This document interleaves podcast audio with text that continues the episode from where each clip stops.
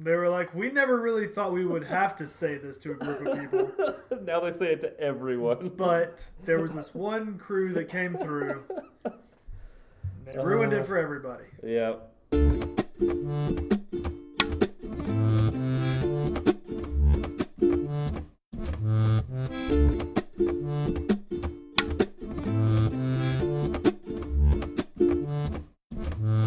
What's up, y'all? I'm Zach. And I'm Steve, and this is Fireside Swift. Steven, my man, what's going on? Not much, man. How are you doing? I'm doing pretty well now that uh, you know we can record and actually publish our podcast. Yeah, that um, yeah, that kind of sucked this week. That was not fun. No, uh, yeah, especially because like we, we spent a lot of time recording and editing of this podcast. That um, it was really disappointing uh, what happened. Um, and so, Zach, do you want to like kind of let the audience know basically what happened? Sure. So we record on a platform called Cast, and they they lost. I don't know if it was connectivity or something happened with their their host to Yeah. where they couldn't connect to their host and download or upload their files. Correct? Yeah, that seems about right. Uh, and it manifested when I was like trying to download audio files. Um, in fact, uh, you know, this has been happening a, a little bit more. Like, like those of us in the podcasting communities, where we would talk to each other and be like, "Are, you having issues with Cast and and whatnot?" And so, like, we would we record on Cast, and then we were, I, you know, we would try to download that the audio recordings to be able to edit, and like it was getting harder and harder. Like sometimes it would fail. Um, but you know, I was able to you know keep trying, and I was able to get our recordings. Um, I was able to edit all our recordings, and I, I use uh, GarageBand mainly to do that. And then uh, from there, I tried to upload the episode onto Cast, and it would just fail like nonstop. That's that's terrible. Yeah, That's terrible. Thank you for your uh, persistence in getting it up because it was the worst part about it was uh, you know Cast was trying to. I really do believe that they were trying to communicate as best they could, and they were just having issues with their host. But Yeah. all their communications from Wednesday till Saturday were you know ETA unknown, still trying Yeah. to get that ETA, and so yeah. we couldn't communicate to our listeners. Um, you know, we're out now, but we hope to be back up by X. Yeah, and, and when it first went down, it was we actually were done editing the podcast early. We try to release. I, I think our, our scheduled release date is now on thir- Wednesdays or Thursdays. Well, Wednesday, like midnight your Midnight, time. so late, yeah, so- late Wednesday your time, which is Thursday Yeah. for all the people in the civilized world. So that's that's my target date to get it out to all of you.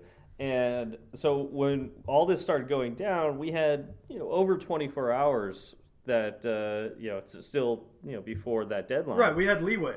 Yeah, and so I wasn't thinking too much of it, but uh, gosh, it was down from like early Tuesday all the way to Saturday. Yes. Yeah. Saturday late. Yeah. Late, yeah. yeah, late Saturday.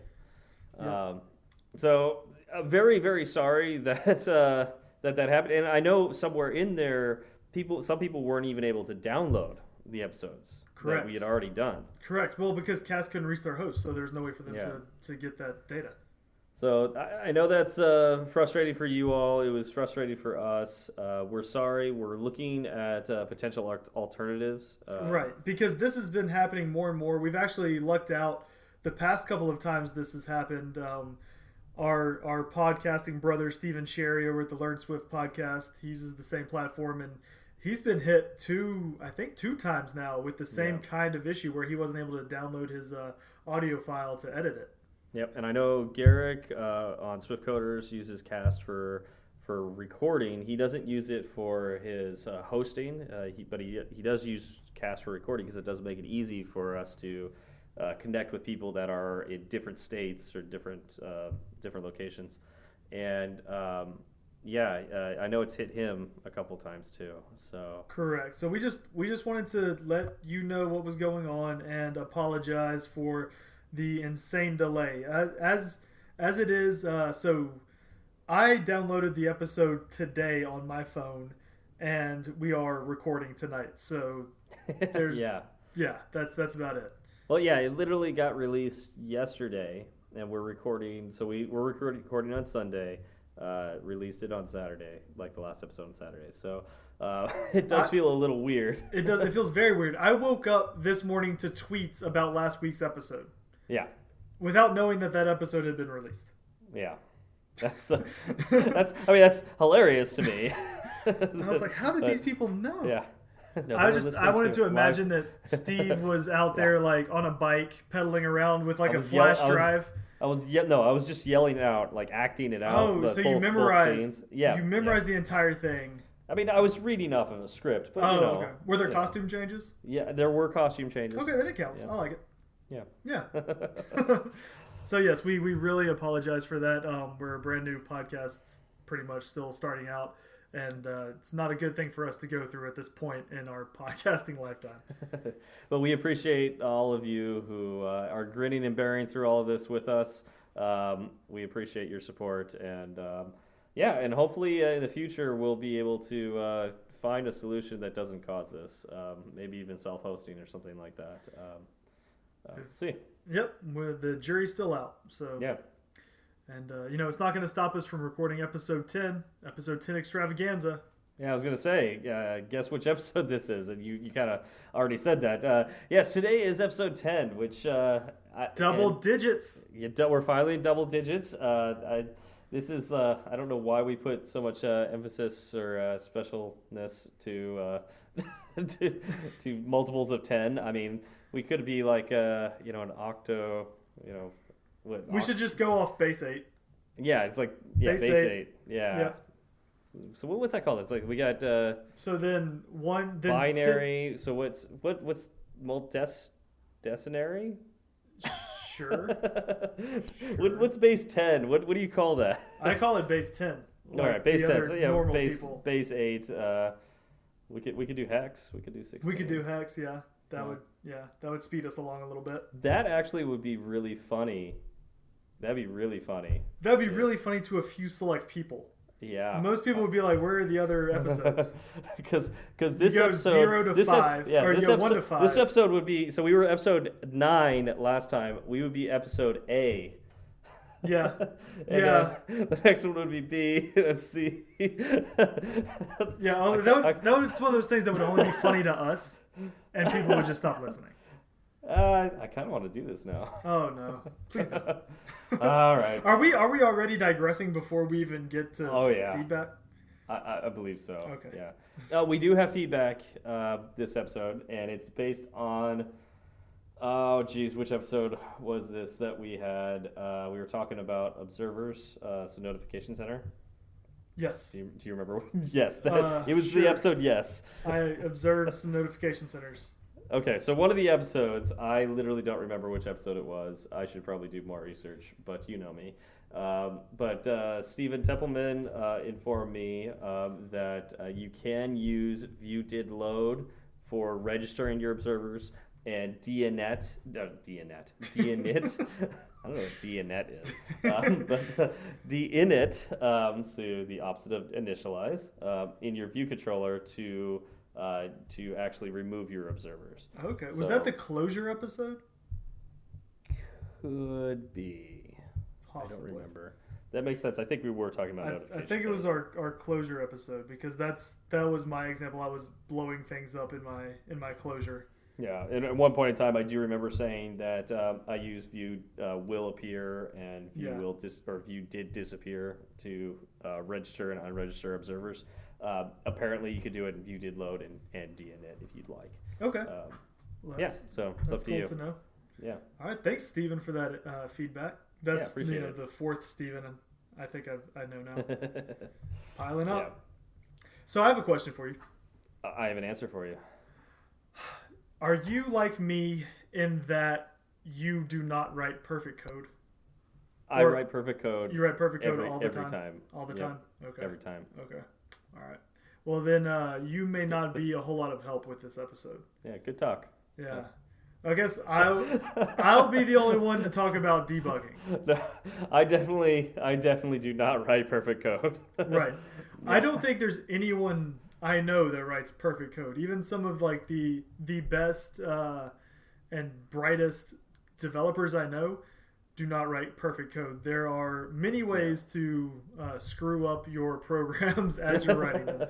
I will say there, there have been a few times when I'm like, I set out to write, like, let's say it's one function, Yes. and I write it correctly the first time, and It's- I'm amazed. Right, it's surprising. Absolutely amazed. Yeah. I I know, and it, that's one of those things that took me a little while to understand. Like, I'll write the function and then I'll run it, and I expect things to break. When I started out, I was Yeah. expecting everything to work, and it was discouraging. Now I expect things to break, and I, I like, Yep. okay, this is my starting point.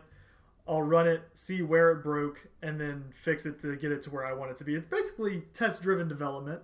Yeah, that- that's actually one of the things. I, yeah, I want to. I, I, well, I would say the opposite of test-driven development, but yeah, yeah, um, It's test-driven development without the tests. exactly. like that's something I want to get. I want to start talking about with, with, with debugging because I've done some TDD in the past. Right, uh, it's it's bug-driven development. there you go. Now that's that's exactly what it is. Bug- Bug-driven development. right. So tonight, tonight we're going to chat about debugging and what to do when things go wrong. Yeah, yeah, and just like uh, you know, what what's what are best practices? Or actually, I don't know if I, I was about to I say, honestly what are best practices practices? I think we're I just- go for Well, it. I, yeah, I think we're just going to talk about like what we do and uh, start a conversation maybe on Twitter about like uh, what do you do uh, to debug because there's a million different ways to do it and Right. uh, And I believe the bottom line is if it works for you, then it's the right way to do it, right? Barring barring some corner cases um, where you just clutter up your code with a bunch of print statements, possibly. yeah, Uh, if, if it works for you, then stick with it and get your get your code working. yeah, and by works for you, uh, we mean actually like writing good code that covers all cases, Yes. or at least you know most cases, uh, because uh, there's there's some things that work for some people by let's see working for them by not actually you know succeeding in what they're doing, but they're not they don't care as much. Well, that, right. They they Yeah. develop with their head in the sand. yeah, Yeah. that's that's not good. No. So if you think that's working for you, but it's not working for your clients, uh, that's not good enough. Um, Exactly. So obviously, if it works for your clients, then you're doing something right. Correct. And so let's let's talk about those forms of debugging if we can. I agree. I agree. So, what what is debugging to you? Like, how do you define it in your own head? Oh gosh. Um, Or is it just kind of an abstract concept that you grasp innately? yeah. So like, there's there's bugs, and then there's misbehaviors. Okay. And so bugs are pretty obvious. Um, you know, it's uh, you know the, the app crashes or um, you know something ob- something obviously goes wrong. Uh, yeah, let's say crash crashes are usually or like uh, well crashes uh, non-compile like you know not being able to compile. Those Yes. would be bugs, right? Yes. you know things that uh, well, maybe not necessarily bugs, but uh, those are the obvious ones to catch. Right. Um, but misbehaviors are really, really hard because a misbehavior is something that it works, it's technically doing what you told it to do, and it's not crashing, and the app is still doing what it's doing, but it's not what you intended it to do. so you're not seeing the results you want to see while the app is still functioning. Yeah, and so think about Interesting, because I I guess I just I don't break it down to that level of granularity. I would just call that a bug. Yeah, and I mean, I guess technically that is a bug. I'm trying to think. There's probably a better word for the obvious ones, like uh, comp- compilation errors and uh, Yeah. and things that cause the app to crash. And even even crashing bugs can be really really hard to find and can be misbehaviors. Um, I know in in um, in one of my production apps. Uh, when I was working on it, there were some cases where I would explicitly unwrap optionals because if that variable was not, or if that variable was nil at that point, that mean I that means I did something terribly wrong before that, Mhm. and I want to know as quick as possible that something's wrong. So I want the app to crash. Right. The problem that was happening was that in all my testing, it wasn't crashing. But once it got out into the real world, based on data that was coming back from the server and all sorts of other things going on, certain clients got the app at a condition where those variables were becoming nil. And obviously, because I was explicitly unwrapping them, the app was crashing. Correct. So that would be a misbehavior uh, in the form of a crash. Okay. How would I even catch that? How would I even know that? Right, and that's that's the other thing is a lot of uh, well, not a lot, but there are definite cases where bugs will will crop up in production that are either extremely hard to test or just untestable in the development environment Yeah. due to you know a multitude of factors. And so this is where like analytics packages come in. Um, so with uh, the company that I work for, uh, we use uh, Fabric, which is uh, Crashlytics. Have you heard of Crashlytics, Zach? I have. Okay, so Crashlytics is an insanely popular analytics package that you can add to your iOS apps. Uh, you could add it to Android apps as well. And um, if the app crashes, you get a report and a stack trace. And so we'll, we'll talk probably a little bit more stack about stack traces. I, I want to I want to chat with you about stack traces. Yeah, a little, let's little bit. let's come back to it. So let's Yeah. remember stack traces. Come back to them. yeah Um, so it'll tell you it crashed, it crashed, the time it crashed, um, potentially who it crashed, you know, which client it crashed on. So you, you could actually pass a, uh, a username to yourself, so you actually know who it was. So you can Mhm. basically inform them if you need to. Um, Yes. You know that we fixed the problem. Download Yes. the update. Um, but uh, let's see. So so Crashlytics is one. Another one we use is something called Segment. okay Uh, so Segment is an analytics package that um, you can track events that happen within the app, and off, like mainly what I use that for is misbehaviors. So errors that occur within the app that um, are not crashes, but um, are bad. Okay. Let's say that. right Uh, so like we have a sync system within our app that uh, we're downloading things and then we're also uploading things, but uh, it won't download things unless we've uploaded everything we need to upload. So we make sure that the server is on the same page as the app. Mhm. So if anything goes wrong while we're uploading, it could potentially s- like stall the whole sync system. right I need to know about these things because I need to know if my clients are getting blocked because of something I did.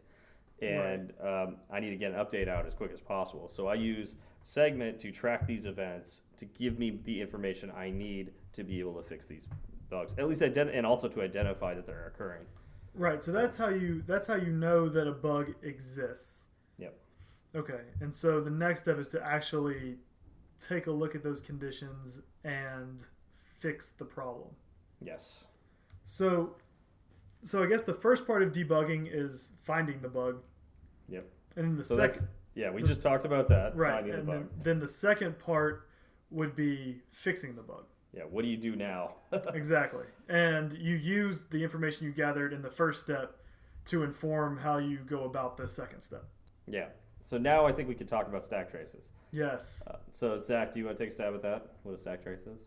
Stack traces are about 400 lines of code that no one ever wants to read outside of the first two.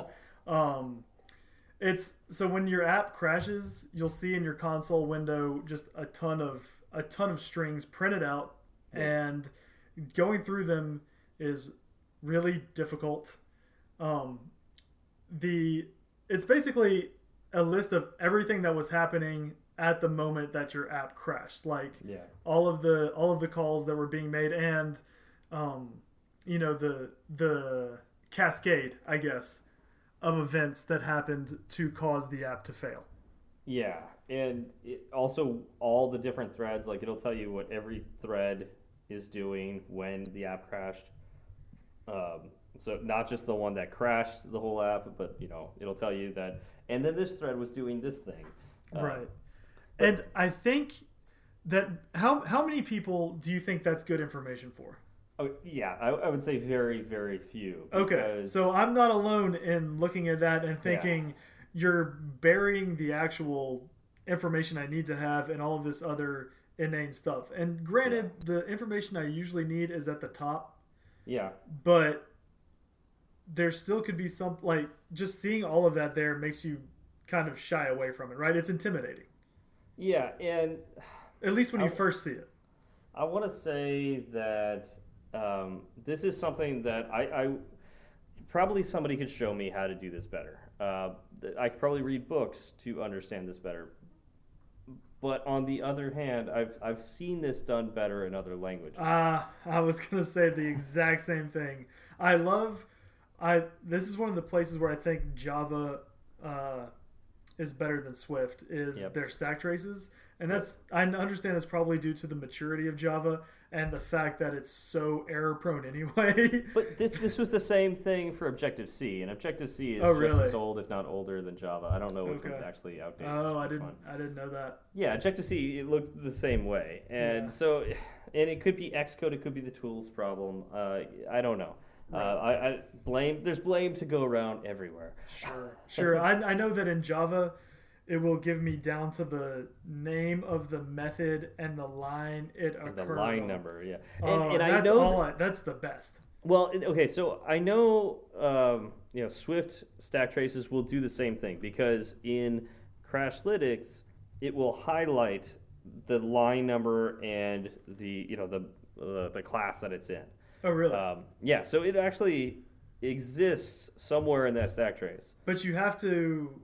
You have to translate it, Oh, see. and I feel like what- that's the problem. yeah, because shouldn't because it- Xcode be able to do that itself? right? Uh, like in Android Studio and Java, when something crashes, it tells me the line number and the class that it, it crashed in, and it creates that as a link that I can click on, Yes. and it takes me directly to that line. Yes. Why can't we have that in X, Xcode and Swift? I, I don't get it. Now, up until this week, so I learned something, and we'll, we'll probably get into it a little bit later when we talk about breakpoints.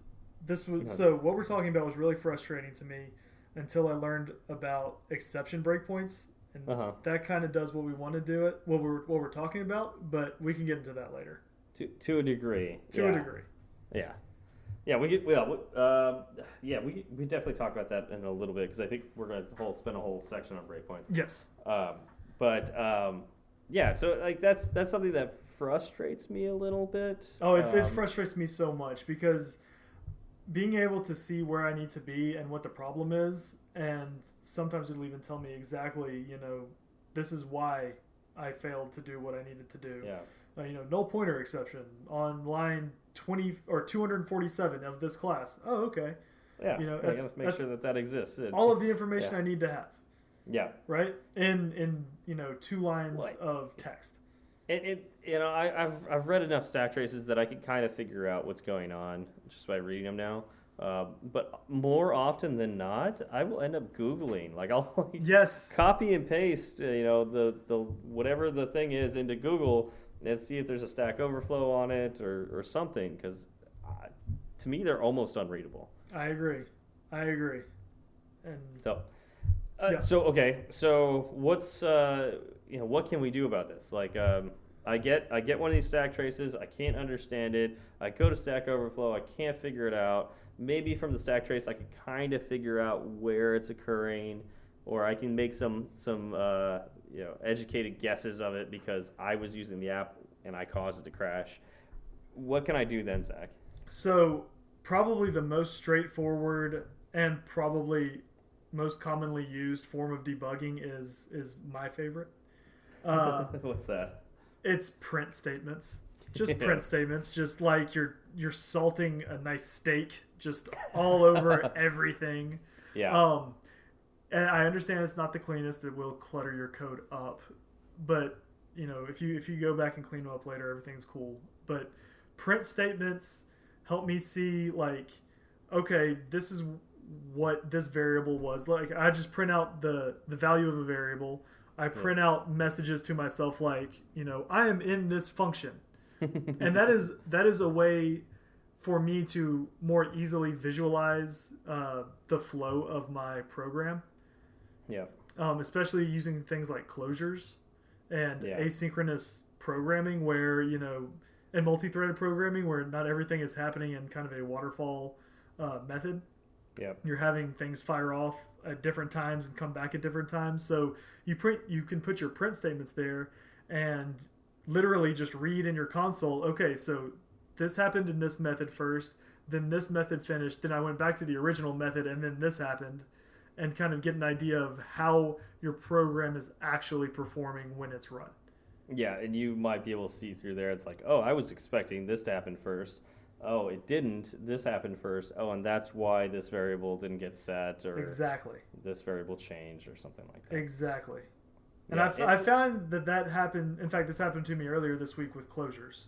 I was Yeah. expecting, um, you know, I have I have my function and I have a closure in the middle of my function, and Uh-huh. by the end of the closure, I was like, well, I want this variable to be set as what this thing was in this closure, and it wasn't happening. I threw a print statement down there, and it was coming back as nil, and I was like, what? But it's finishing right here, so I threw some print statements in the closure, ran it, and that's when I saw my my print statement from the bottom of the function printout, and then after that, my print statements from the closure printout. yeah, And it's like, oh, okay, now I understand why I'm not getting the expected results that you know, I wanted. and this is actually I probably shouldn't admit this. This is my most common form of debugging. Um, maybe it's because of just uh, how I learned to program. How I'm very C based. Um, you know, I spent a lot of time working with C in an older language, and you know, not great tooling. Uh, I didn't have breakpoints when I was working with C. At least I wasn't using an IDE that was good enough to have breakpoints. hmm So yeah, throwing in print statements was always my solution. Yeah, And so like uh, you know when I was teaching C, I would tell my students, yeah, just put a yeah. When I didn't even know what they were doing, I'm helping them debug their code. I'd be I would tell them, just put a print statement above this and a print statement here, and that way I could see what was going on. And some it more often than not, it would make the answer obvious what Yes. the problem was. yes, And so I still fall into those habits. And yeah, I, I'll put exactly like Zach does. I will put, uh, you know, print statement um, that says like I got to here, yep, and then and the next print statement will be and then I got to here. Yes, You know, yes. and, and that way I can see like which ones happen. Uh, like for instance, if something just sort of stops working or crashes, I want to know at what point does it crash. Uh, you know, and there are other ways to do this, and we'll talk about that in a little bit. in Breakpoints, um, but uh, this is again my m- most favorite way to debug. Um, and Mine one of the ways I could get around what Zach was saying about, um, you know, having these uh, print statements that gets litter around your code and just just pollute the whole code base, is I'll have a, uh, a one function called like log or something like that, like a global a global function called log, and then I'll use prints for all my debugging and then later, I when I search for print, I will remove all the print statements from my code because I know all the ones I actually want to keep in my code are called log, and the ones that I don't want to keep are called print. And within log, then I could care about my environment, like you know, if it's production, don't even print it out. Right. If it's debug, print it out. You know, so on and so forth. And you could really do some cool stuff. Like you could even persist log statements. You could have them set to a server, but um, in in my case, like that's that's really to keep me on track of which print statements should I remove. right. And something else I'd like to add is, uh, so what I do in my print statements, I'll add my name. I'll do, you know, Mm. Zach colon and then my message. Yeah, because in Xcode you can filter off of text. And That's right, while yeah. your program's running, you're going to be generating a lot of other console messages that you don't care about. So I'll just type in Zach and it'll bring up everything that I want to know. Yeah, So that, Yeah, that's if one way to kind of narrow it down. that's true. Yeah, absolutely, absolutely. So um, let's see. Uh, so let's we've mentioned it a couple times. Uh, breakpoints. Breakpoints. Real quick, funny story. Go for it. Um, this is this is how little I know about breakpoints and how how much of a of a fan of print statements I was. Like you said, you know, it's how you learned, right? Yep. Same for me. I I graduated. I was looking for a job.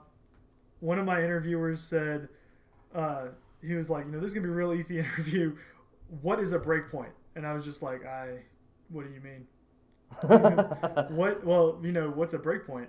I don't I don't know what you're talking about. And he's like, well, did you ever have to debug? And I was like, oh, you mean print statements? And he was like, no, what do you know what a breakpoint is? I was like, no, can't say that I do. And he was like, oh, well, you just set it in your code and it stops it. And I was like, okay, sounds good. Uh, yeah, that's so that's where I was when I graduated. Um, yeah. and that's how much is taught about breakpoints. That's hilarious because, gosh, I'm trying to think when. No, I I definitely use breakpoints in MATLAB. So, yeah, I'm trying to think like when somebody taught it to me, but some because somebody had to have, right? Like, Right.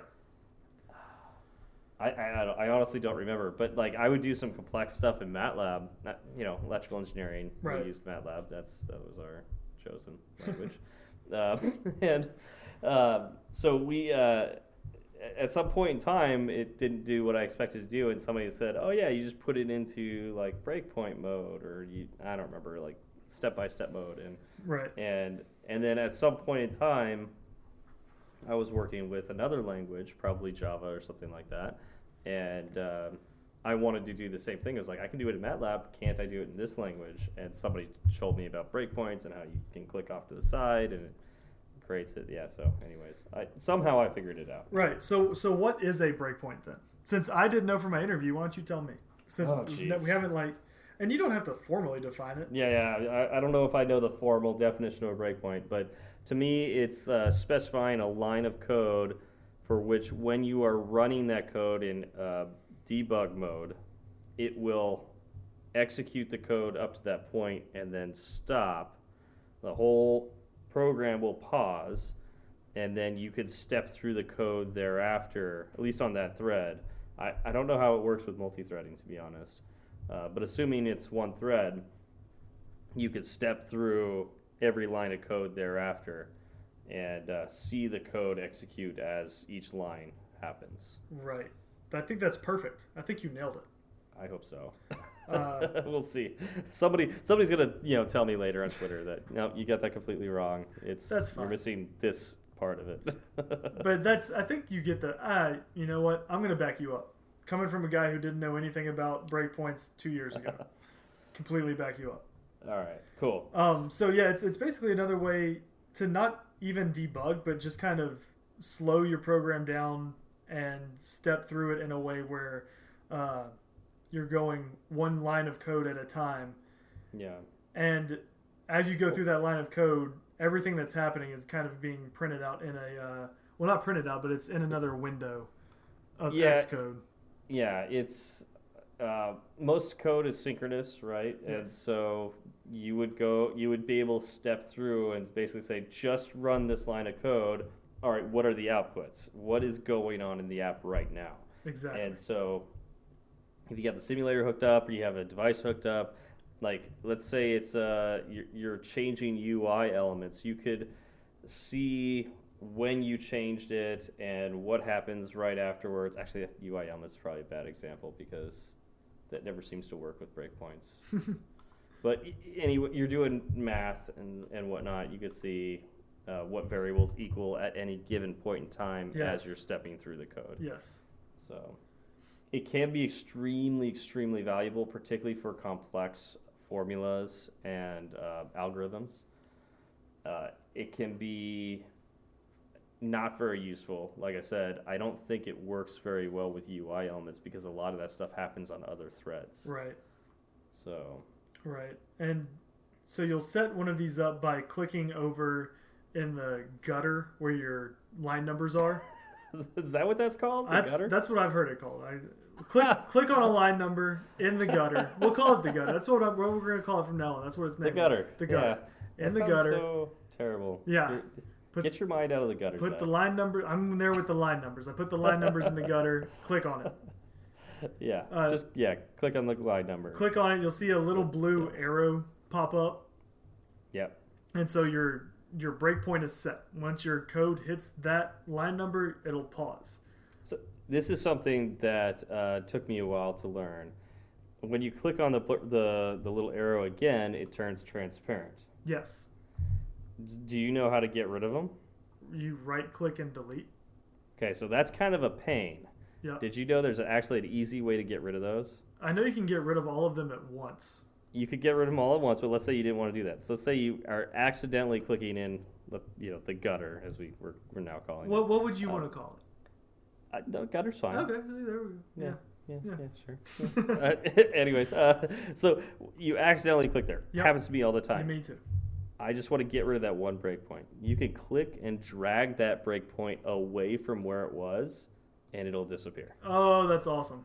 Yeah. That's fantastic.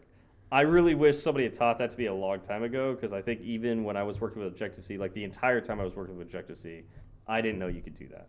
And so I was always That's like, great. oh, I got to right click on this and then hit delete. right, No. because it's one of those things that right clicking and hitting delete takes a second of your time, but if you do it a thousand Yep. times, you know, it adds Yep. up. Yeah, it's just, it's just annoying. And Like, not I- only that, I- it'll stop it's so- you from, you know, whatever cognitive process you were currently in. yeah, and it was like so easy to create the breakpoint. Yeah, it was such a pain to get rid of it. correct. Yeah. I Whereas like other languages, like um, like an uh, Android Studio, if you click to create a breakpoint, if you click on the breakpoint again, it just disappears. Yes. Whereas Yes. like in Xcode, you have breakpoints in multiple states. You've got active state, disabled state, and gone. Yeah. So Yeah. yeah, Okay, I love that. Thank you for that. That helps me a bunch. you're welcome. That helps me a bunch. yeah, that that really helped me. So c- continue with whatever you were talking about. I don't remember what it was. So the gutter. Um, The gutter.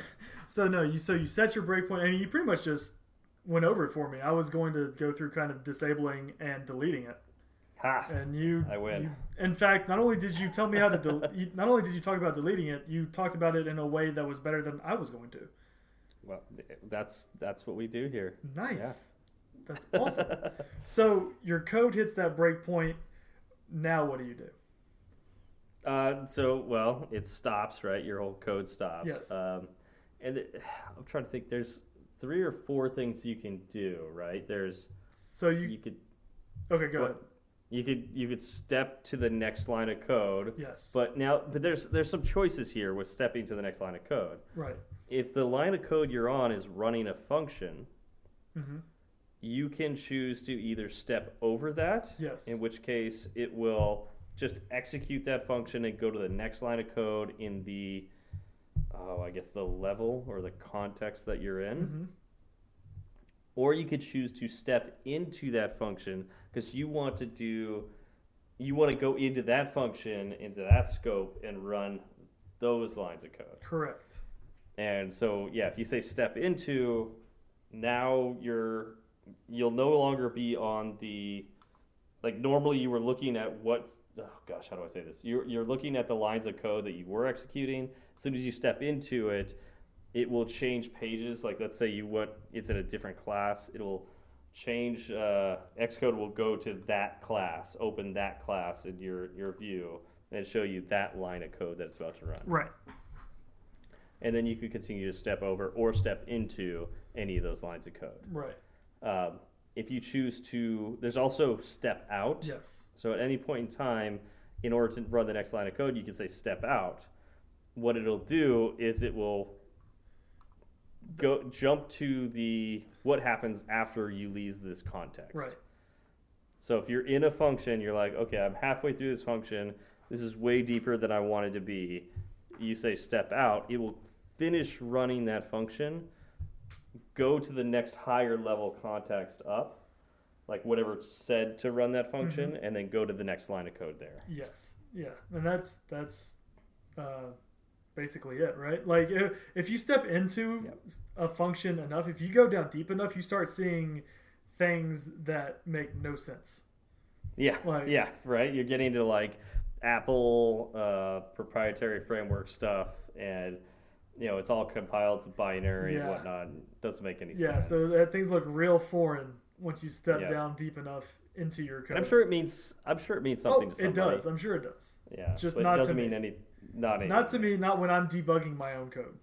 Yeah, Um, and another thing you could do is just hit play or run again. I don't. that know. was It that's the like other option. button. Yeah, yeah. There's a once your uh, program hits that breakpoint, you can hit play, and it just will either go to Start the next breakpoint or complete it whatever it was whatever process it was doing. Yeah, it'll just start running again, and then if you have another breakpoint, it'll stop at that other breakpoint. Exactly. Yeah. And so this is a good way. Breakpoints are a good way to, uh, you know, you can also check your variables and such. Um, the the issue I have with breakpoints and you know checking states is that it's Mhm. kind of like stack traces in that you get a lot of information Yeah, you do. and digging through it to find the one thing you want can sometimes be a little tedious. Yep. And it's a lot to get through, which is one of the reasons why like if if I want to see a variable, I'll do a print statement and just print out what that variable is at that moment and I'll I don't have to spend any time looking for it. Well, One of the you could do this with breakpoints too. So like if you hit a breakpoint and the whole program stops, you get a I think it's called the debug console. Yes. And within the debug console, you can use the command po, a space, and then you could type whatever variable you're curious about. Like um, I've got a variable called cat, and it is it's a class kitten, and it you know ha- I want to know about its different properties and whatnot. So I can po cat, and it will then print out what what is available. You know what what's on that that. Uh, that variable at that point in time. Okay, I didn't know you could do that. Yeah, it works most of the time. Um, and isn't putting a print statement in there still easier because it'll already be printed out for you? Yeah, but uh, kind of like doing this, it's like a one-shot deal. Like, okay, so I, I put a breakpoint because I know things things are breaking around here. Run a few lines of code. I can't figure out what's going on. Print out cat. Uh, run a few more lines of code. Print out cat again. oh, I Ah, see something changed. see. It's got to be around here. Okay. You know, yeah, no, you get that's so it's kind of, kind of like that that. makes sense. I like that. Yeah, yeah. So it is kind of like the print statements, except the print statements we were talking about are like earlier is more like pre, you know, it's compiled into the program. This is not, Yeah. um, and so you, you don't have to worry about dirtying up your code because you're not actually adding print statements, and it also can be, oh, I don't want to recompile my entire code base again just to see this one line of you know code print out. I want I, I hit a breakpoint. You can set breakpoints while the program is running too, and then when it hits it, it'll stop. So, uh, you know, if you just come out of the fly, it's like, okay, well, what if I put a breakpoint here and then ask what's what's going on here? You don't have to recompile it, uh, which can take a little while Right. sometimes. So that's that's kind of nice. Too. Okay. That's cool. One thing I, I found, and I, I'll, I- I'll bet there's a way to fix this. I, I'm pretty sure I know at least an idea of how to fix this. Um, if you're using core data, uh, this hardly ever works Oh, okay. because with the core data framework, there's some pre-compiling done and pre and optimization that's done with uh, core data and your models and all that, and so it's not quite running at the same time that your debugging is. And so if you ask, you know, what's what's going on with this model object, it may or may not give you back the right answer. I see. Okay. And I would say more often than not, it gives you back the wrong answer or it says it can't give you back the answer. Right. Well, that's good to know. Yeah, so that's annoying, but I'm pretty sure you can, if you're using core data, there's some setting where you could turn off that optimization Mhm. and everything goes slower, but now you can actually debug it. I don't remember how to do that. Well, at least we know it exists. Possibly. yeah, I, I'm pretty sure it exists, but it's a it's a Google query away Yep. from doing it. so, There you go. Google will get you what you want. Right. Yeah. Um, Yeah. One of the things that I think is best about breakpoints, the best feature of breakpoints, is being able to add actions to a breakpoint. This makes them Right. incredibly powerful, and it's something that I don't know. I don't think exists in a lot of other IDEs. This is the first time in Xcode that I've come across this type of functionality with breakpoints. Yeah, and you you showed this to me, and this kind of blew my mind. And then I I think I saw something later on Twitter that showed me even more things you could do with this. But I wouldn't even thought about it if you hadn't told me about this. So, what, what keep, explain what you mean by that? Sure. By action. So you've, you've clicked in the gutter, right? We're, we're there. Yep. Uh, you have your breakpoint set up. If you right click on your breakpoint, there's this little uh, option for edit breakpoint. So you click into Okay. that. And then it'll bring up a menu and uh, you'll be able to set a logical condition on the breakpoint.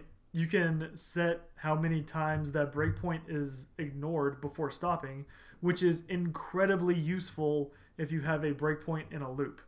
Because that's one of the that's one of the more annoying things about breakpoints. If you have one in a loop, it'll stop your program every time that loop is iterated through. Yeah, yeah, that's true. Like that that can be really annoying. Let's say uh, you only want to know about the last time it runs in a loop, and you know the loop's going to run hundred times or something like that. Right. So you say ignore it 99 times before stopping, and it'll Yep. skip over. You won't have to click that button 99 times, and it'll only give Yeah. you that hundredth. I've got ninety nine problems, but, But a breakpoint. breakpoint ain't one. I love it. Yes. Um, Very cool. you can have it uh, print out something to the console, so you can actually make your breakpoints print statements if you wanted to. You could, yeah. Um, Uh, a a fun one I saw was as an action you can add a sound. I love the sound. Yes. And so, like, yeah, if you wanted to just like anytime this certain thing happens, uh, don't even stop the the program. Just uh, just you know, do a little chime or something like Yep. that, and then I'll I get an idea that oh, this thing happened. Which is also fun when you put it in a loop. yeah, ding ding ding Yep. ding ding ding. and that's exactly exactly and it's it's another way uh so I'm, I'm looking at the menu right now actually and there are one two three four five six seven eight you know there are 15-ish sounds you can have so what what that means is you can have you know 15 separate breakpoints and i guess if your hearing is good enough if you give each of those a different sound you can hear which yeah. one hits first um, Yeah. i'm not i've never tried that that sounds very ambitious i i don't know how how well that would work out yeah, um, probably not very well. But I mean, looking at this, like you could do Apple Script, you could do shell commands. yes I'm sure in there you could do like take a screenshot, um, you know, things like that. Uh, all and you could add multiple actions, so you could like play a ding and take a screenshot. And I mean, screenshot's not one of the automatic ones, but I'll, I'll bet you in either Apple Script or shell command you could do Yeah. it. Um, you could sh- capture GPU frame, um, which actually maybe that. Oh gosh, because I mean, graphics processing unit frame. I'll bet you could turn that into a screenshot. i bet you could Maybe, yeah. Maybe that's actually what that means, and they're just using weird. uh, why don't they just call it screenshot? because it's Um, more fun to say gpu capture gpu Maybe it has- frame Maybe, maybe it has more info on it. yeah i bet it does Somebody please tell us. We would love to know.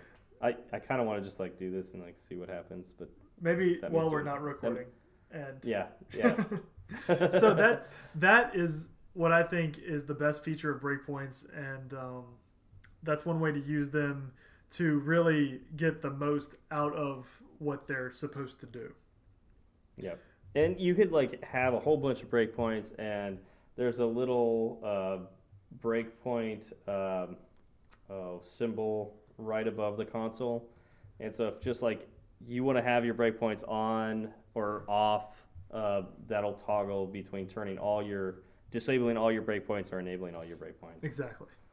So that's you know kind of nice that you could just like I don't feel like running any breakpoints right now. Make sure they're sa- disabled. Right. I just want to see what's going on with my app as I use the app itself, not what's going on in the code necessarily. Yep. Yep.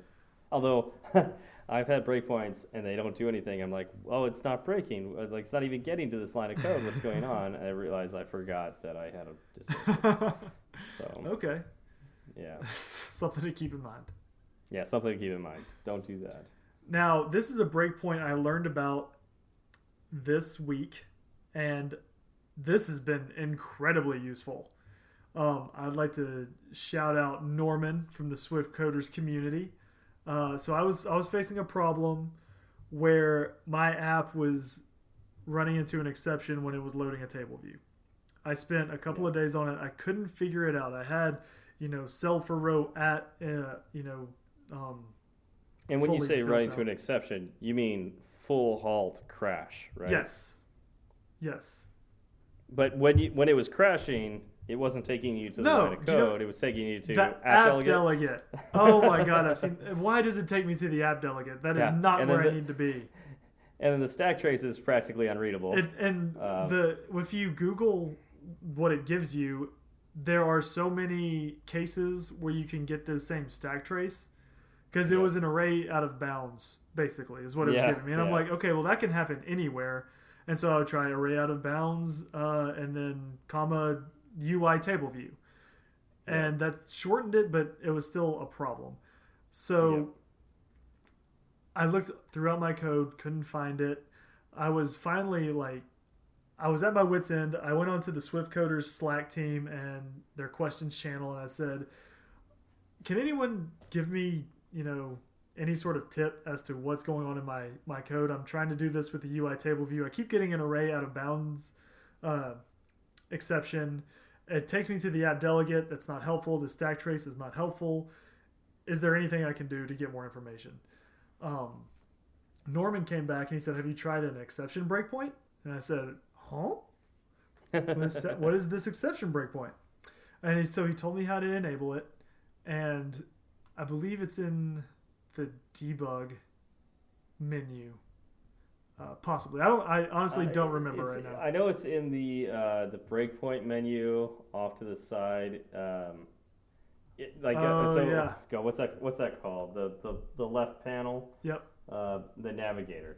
And so if you click on the top, there's like you know a whole bunch of symbols. One of them looks like a breakpoint. If you hit the plus button on the bottom, you can add an exception break. That is it exactly. So you want to add an exception breakpoint, and this gives me the functionality, at least in my case, that I was talking about the stack trace does not give me earlier. Um, Yeah. I added this exception breakpoint. I had my bug figured out in about five minutes yeah. because Yeah, when it broke, it took me exactly to the place in code where it was breaking. I read it and I thought, oh, of course, that will be nil at that point in time. Yeah. What do you know? what do you know? So thank Yeah. you, Norman, so much for telling me about that. You saved me so much time, and I wish I had asked earlier because it would have saved me a lot of headache. So I, I remember learning this. Um, on, in, it was in the Big Nerd Ranch book, uh, iOS development Big Nerd Ranch book. Uh, I, I don't. It, it was back with the Objective C one, so I don't know if they have it in the the Swift one. But there was a whole chapter on debugging, and this was one of the things they told us to enable. Um, and I think for like a year, I would always like when I started a project, add this in and leave it there, uh, leave it on. Ah, Uh, bec- yeah, because when you get those weird UI exceptions, you want it to stop where it fails, not, you know, not give you that app, app delegate in an unreadable stack trace. right, right. Because crashing to the app delegate tells me nothing. Yeah, yeah, I agree with that. Absolutely nothing. Um, In fact, you know, I uh, the Big Nerd Ranch book does talk about this, but I forgot about it because it's Yeah. uh, you know there's there's Because a lot to, to go through there, right? Well, yeah, because you, you you read this the Big Nerd Ranch book and then you go back and you do the project. That's not. Uh, Uh, you know but what? if you would do the projects at the same time as reading it, you would have known that you, you're supposed to enable this. I did do this though. I did. so page 173. If I had to guess, if I had to guess, I would say page 173 of the iOS programming sixth edition would talk about adding an exception breakpoint, possibly figure 9.15. Possibly. If I had to guess, yeah. that's where I would look first All if right. I wanted to find more information. Yeah. So I mean, that's where I learned it. Uh, the one thing I will say though that there were times when I had to disable this breakpoint because it turns out those stack traces are sometimes useful. so sometimes I would it would you know the app would crash and it would take me to this breakpoint and it would I would look at it and go, well that shouldn't be failing there. I don't understand what's going on.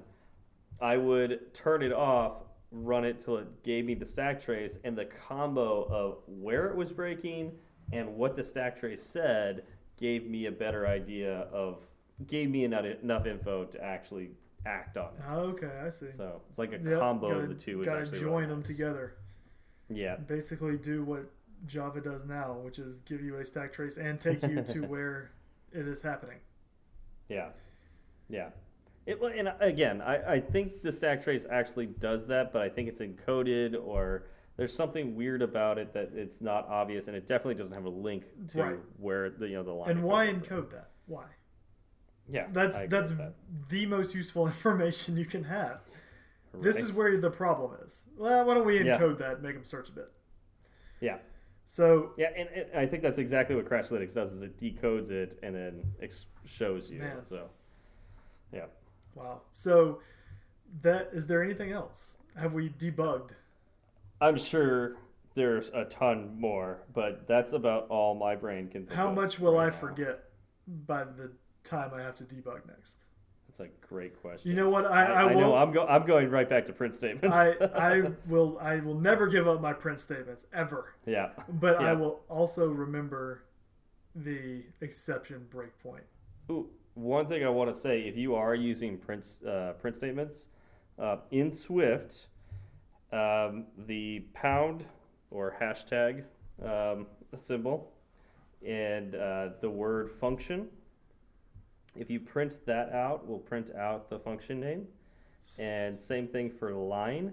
Uh, pound line will print out the line number. So if you wanted to make a print statement that says that prints out the function that that print statement is in and the line number, all you would do is uh, the you know the normal uh, print in parentheses uh, and in the quotes, uh, you know the backslash more parentheses, put in The string interpolation. function. Yeah, exactly. Do the string interpolation thing um, with uh, pound uh, function, and then a space, and then pound. You know, then the string you know thing there where you backslash parentheses uh, pound line. You will get the function and the line number uh, where that print statement occurs. So you can copy and paste that throughout all your code, and it will print out this function, this line just ran. This function, this line just ran. Mhm. And so it is another way instead of typing this just happened and then this happened and having to remember all those, you can use this and just reuse it throughout your code. You can even put in error statements, which I do a lot. Oh yeah, I do as well. Yeah, and so when the error occurs and I log it, um, I can see in my logs that not only did this error occur, here is the line number in which it did occur Awesome. and the function. Yeah. Okay, that's that's useful information to have. Yeah, I figured that I should probably get that out there for people who like that kind of debugging. Uh, Otherwise, I, I think I've, I'm done. Yeah, I'm out but that's- debugging that's it. Ideas. yeah, no more. Cool. Well, I think we I think we did a pretty good job. yeah. and there's always I- more to I- learn to about think so. this. Always more. Uh, and we are definitely open to learning more too. So if you have any really cool debugging techniques, I know there are cool debugging, or not debugging, logging frameworks. Um, like, uh, oh, geez, Raghav uses something interesting. I'm sure he does. I, I don't even remember what it's called, but it's really pretty. Um, in the log logging uh, um, uh, the console, it has like different emoji colors, like the different hearts to give it a different oh color. really? Yeah, so you know which level of log statement it is, That's awesome. which is something that Android has with its base logger, um, Mhm. you know, or log um function. Yeah. Yeah. Yep. So you, you can create that in Swift um, if you'd like by adding different frameworks. Cool. Um, yeah. yeah, I think that's all I can think of right now. Excellent. Well, hopefully, hopefully, you know, our listeners can go out and maybe be a little more efficient with debugging. I know I will.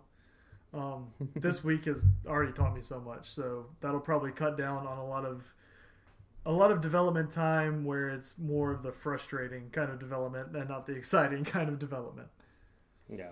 So Yeah, and that's I think that's yeah the goal of debugging is to cut down to the frustrating part of it, right? right, exactly. Like you want to be building in functionality, not fixing functionality. Yeah, And so the the if you can cut down on the time it takes to fix functionality, so you can be building more functionality, then you're in a good spot. yeah, and I, I guess that leads into a discussion on test-driven development, which we don't have time for. Um, What? But I promise you, one of these days we will do an episode on test-driven development. Um, I really love the concept, Oh, but I if you're if you're thinking of what can go wrong first and uh, writing tests for it and then writing code to pass those tests, you might not even have to do a lot of the debugging stuff that we're doing. exactly, So exactly. yeah, Very nice. Well, uh, do you have any shout outs? Yeah, um, I want to shout out that idiot Rebecca, um, who Wait, is what? a friend of mine. She told me to say that. Um, Are we yeah, just so supposed, she's a are friend. we just supposed to believe you? Yes, Okay. you're supposed to believe me. Okay, Um, well- really, uh, she said that she would listen to the podcast if I gave her a shout out. So there we go. All right. Well, Um, Rebecca, I'm going to believe him until you come on the show to to tell me different. because we have so many guests that come on. Exactly. The So show, right? so you're never gonna believe exactly. me, are exactly. All right. Anybody else? Uh, yeah, I would like to shout out Lucas Farah. He is uh, the curator or one of the curators of Awesome iOS, which is a list of um, iOS, you know, frameworks and podcasts and any anything having to do with the iOS ecosystem. He uh, just basically has a list of all of the the ones that he finds useful, and he reached out to me, us on Twitter, uh, through the Fireside Swift tag a few weeks ago, and he asked for a URL so we can be included in that list, which was really it was really exciting for me. That's a huge honor. I'm really thankful. Uh, you know that uh, Lucas believes that we're actually valuable. I know, right? That's amazing. that he's willing to put us on that list because uh, looking at the different podcasts that he has on there, it's a it's a pretty uh, lofty group. So um, super uh, Right. uh, So thank honored and humbled to be on that. thank list. you, Lucas, for finding us worthy to be be on a list that contains you know release notes and iPhreaks and a couple of the, a couple of the others that I actually have on my own phone Yeah, under the radar. under the radar there. consult. So it's Yeah. I uh, suggest everybody go check it out. We're going to put a link um, to Awesome iOS in our show notes, and maybe you can come across something else you like. Yep. Yeah, definitely. Um, as always, uh, want to give a shout out to the Swift Coders Network of podcasts, um, which is right now us, uh, the Swift Coders podcast, uh, and the Learn Swift podcast. Yes, and they all went through their own issues this week. Uh, Garric actually put up an interview he did on another podcast. Uh, Yep. On uh, U-turn. correct? yes, because he he did not have access due to Cast's outage to put up his own show. And if, I- if I remember right, if this is the same podcast I listened to a while back, this is um, the host of U Turn interviews Garric um, about how he got started and whatever, you know, his, his story. Yes, And I found it incredibly fascinating. I did as well. There's a lot in there that uh, I did not know about him, yeah. and so Yeah. Same here. Same makes here. me uh, makes me respect him all the more for it. yeah, absolutely. So I suggest everybody go out and listen to that. It's, it's a good one. All right. How can we reach you, Zach? All right, you can reach me on Twitter. I am zfalgout1. That's Z F as in Frank A L G O U T and the number one. How about yourself? I am on the uh, Twitterverse as uh, at SW Berard. That's uh, B as in boy, E R, A R, D as in dog. And do you know what our Twitter handle for the show is? Uh, probably. I, I This is a pop quiz because normally I'm the one that gives it out. I just wanted to see if you. That's a good point. Well, Well, well, you do all the work with it. I wanted so, to see. No, what, so what is it? Uh, it is at fireside underscore. Oh, you nailed it. Yeah, I should probably know that because I'm pretty sure I created it and then just like handed you the keys and didn't do anything with it. Pretty again. much. Uh, It's yeah. worked out well. yeah, I, I so ear earlier before we record this podcast, I actually put the, the I logged in as Fireside Swift, so now technically I could I, I could receive the alerts as well. Now the the question is, will I be as active on it as Zach? I, I don't know. Zach is much better on Twitter than I am. I, I don't know about that. Or either that or you're just setting the bar real low. I mean, all I do on Twitter is really like puppies and kitties and other small, cute animals that I see that make me That laugh. makes Twitter so Um, much better. That's that's really all Twitter is for Yeah. me. Um, so so I, I, I think uh, it is in very capable hands with Zach. Uh, I don't know how much I will do with it, but at least I'll be able to see uh, responses and, and answers. You don't like me screenshotting everything and sending it to you? No, that's that's great. That's great. It's just kind of filling up my phone. So, you know. Perfect. And everybody, please make me take more screenshots and send them to Steven. Let's see if we can crash his phone. So tweet us Yeah. at fireside underscore swift. Let's do it.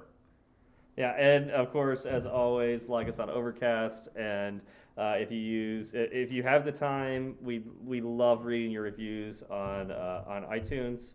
Um, you know that it really inspires us to keep going. Um, you know, as we've said before, uh, you know we're not advertising on this podcast, at least not yet, um, and so. Uh, this is what keeps us going. Like we, we, the the fact that we're actually helping people out there is is you know really inspiring to us, and that's why we do it. Exactly. All right. Well, I think that's uh, all we have for this week. Um, have a great week. We'll see you next time. Y'all have a good one.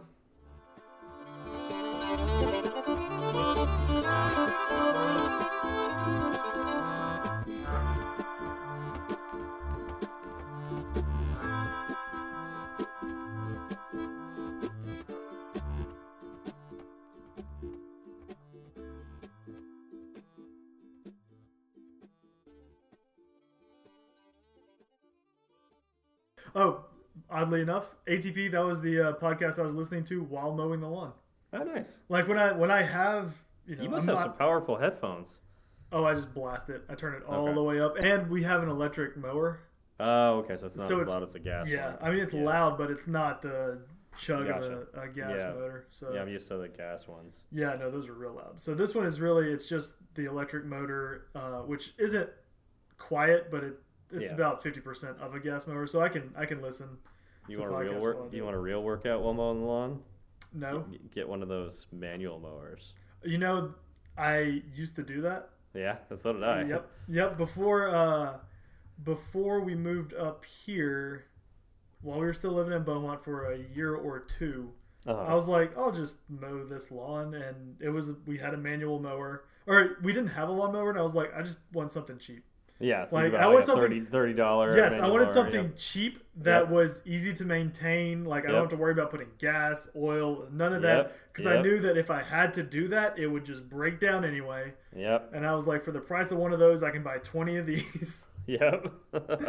uh, yeah, no, those are those are awful. I mean, Yeah. they're well, It- they're not the worst thing in the world, but yeah, it's they're no, they're not the worst thing in the world. They're not. They're course they're not the worst thing in the world, but they're uh, they're they're not slavery. Like, but they're pretty bad. yeah, yeah, it's yeah. You're right. There there are worse things in the world, like like slavery. Right, That would- exactly. That might that might be worse. Yes, and so and then you uh you know you have that blade just spinning in front of you yeah. And it's chewing up anything in, in its path Well, and what's great is when it gets a stick in there, and like you're Oh. you're getting you got some like decent progress. You got it going, and yeah you just take you take the handle right to the diaphragm yeah. and you're passed out on the lawn because you can't breathe Yep. And that's when you're thinking okay maybe i should have spent the extra money and gotten Exactly. something that actually propels itself uh, the other thing is if you use a manual push mower and you are lax about mowing your lawn like i am Yeah. Then it gets thicker. then it gets really bad. and you can't do it. Like this is like you have to do it. You have to go over like three or four times. Yes, because yeah, you have to set it at like the largest uh, The highest setting, yeah. where where there's enough Yeah. room between that blade and the the bottom, whatever Yeah. it is that that you know catches the grass so it can be cut. Yep. Uh, yeah, and I, oh my god, yep. so Yeah, so, so- yeah, rough. That's exactly me. when I first when I first moved to California from New Mexico, I had a little lawn, so it wasn't like a big deal. I had uh, just my it was just a front lawn. The backyard didn't have any grass. It was just dirt back there. Um, yeah, great uh, landlords that I had. Um, zero scape. yeah, It was all zero Xeriscape. Dirt. It's it's a it's yeah no that's a feature. Yeah, that was Yeah, a feature. Yeah. Actually, I did kind of consider it a feature because I didn't want to take care of anything back there. Um, this is perfect. So it's like it had a little lawn in the front, and I was like, "Can we change that?" And they weren't open to that. Oh Uh, yeah. And so I bought a manual mower. Cause like, all right, I gotta take care of this somehow. And Yeah. Oh wow, Uh, we think a lot of like I don't. I I know no other human being that has bought a manual mower outside of yourself. it was it was not the greatest of ideas, but it was pretty much exactly your logic. Um, Yeah. And I, and also on top of it, I was like, and it's a workout. Yes. can- this this will be good. Right? You start. You rationalize You it. rationalize it, Yes. You're like, no, this is no, this is definitely the right choice. Yeah, yeah. And uh, ten minutes in, you're you're cursing wh- yourself. yeah. Uh, the other thing is, was awful. Well, uh, we had pecan trees in the front and backyard. Okay, so I mean, and it sounds like you had a much bigger lawn too. So. Yes. And so the Yeah. pe- pecan I- trees will drop, you know, the pecan. Oh. And so okay, never so mind. Yours is worse. So much much worse. my options were either to be lazy, which you know start out lazy basically, which Yeah. actually ends up adding more work, and just try to mulch as many pecans as possible, or to go through and actually pick up every single nut that was on the ground before I mowed. Oh, so so we had apple trees when I was growing up, hmm and uh, so the apples would, you know, obviously, you know, fall off the tree, and we had dogs, so like, it it, it was my chore to mow the lawn, and so I'd have to pick up all the dog poop before I could mow the lawn, which Right. a I hate doing that. Yes. Um, and also, you know, also like these apples would be there, Right. so I mean, I also had to pick those up too. Right. But because I was a kid, teenager around there, I got a little creative with uh, my apple picking up. And so, I would love, I would love to hear how someone creatively picks up an apple. so um, Is there an so- interpretive dance? No, maybe? no, no. It was. It, it's really about like okay, so when you pick up an apple, right? You put it in the plastic bag and you throw it away. You know, you get Sure. a big enough plastic bag, you throw it away. Yes. Um, I had a lot more fun playing home home run derby with these apples and a baseball bat. Did you have neighbors? Um, so they would explode. so most of it would not get into my neighbor's yard, but I would, I would love to see them just sitting like in their living know. room and all of a sudden just boom, boom, boom. it was not they end up with apple all Yeah. over their windows. Yeah, not. I mean, I wouldn't aim it towards houses. I would actually. This is maybe even worse. I would aim it towards the behind the backyard, which there was a street that ran there. Perfect. Uh, yeah. No, you wouldn't aim it at houses. That's Yeah. no. Yeah. No, I would aim it at the moving cars. You're aiming at the are- vehicles. Yes. Yeah, Exactly. that- Right. I would also practice my golf swing. Uh, Oh wow. Yeah. Um, were you big into sports, or was it just when it involved fruit? Uh, I was not big into sports. Okay. But, I mean, but, I- but I like sports, and so uh, it's not like I was practicing for like little league or something That- like that. No. That does sound like more fun. yeah, it was just way more fun than using the dog poop shovel to Mm. pick up the apples and put them in a Yeah. bag until it was too heavy. Right. For the record, I picked up zero pecans. so you would just muscle through them with. yes. Oh my god, Oh, that's gonna that's gonna break the lawnmower after a little while, right? It didn't. This thing was a beast. It would just chew up everything. Either that or I just didn't care enough. Like it probably did break it, but I was so busy, you know, chugging through everything anyway. Yeah. I just Yeah. everything felt the same. Like a broken lawnmower compared to a working lawnmower, as long as that blade still spun, then I was mowing the lawn. yeah. I, I, it is super satisfying when you get one of those things going. You hear it. Oh, like, yes. Yes. Yeah. Yeah, it, it's and there's also a fine line. Like you have to calibrate your speed Yeah. because if you start going too quickly, then you'll uh, you can just stop the blade just on grass. Period. Really? I found that I, I uh, when I got it fast enough, Well, it was it was great because it would slice through anything. But sometimes I'd be moving too fast and miss grass because I it wouldn't even be. It would just kind of just go over it. yeah, no, mine, mine. I guess I also don't know if the grass was thicker and it would just Mm-hmm. grab everything and then There was so much getting there. too too much in the blades. yep, it wasn't Yeah. enough to actually cut through it. Oh, those were those were fun days. Those were the days. So glad I'm not doing that anymore. Good times. Um, and that's I I hired someone to take care of the lawn after that. Like after a few years, I was like, enough, Mm. no more. yeah. yeah. And there were things that I was just negligent of, and I was like, you know what? I'm gonna pay somebody. They can take care of all of this, and I don't have to worry about it anymore. Two thumbs up. Yeah, that's uh, that's probably where I would end up if I had a house with grass, just And- because I hate doing that chore so Yeah, much. and I was much happier after that. Yeah. So, There you go.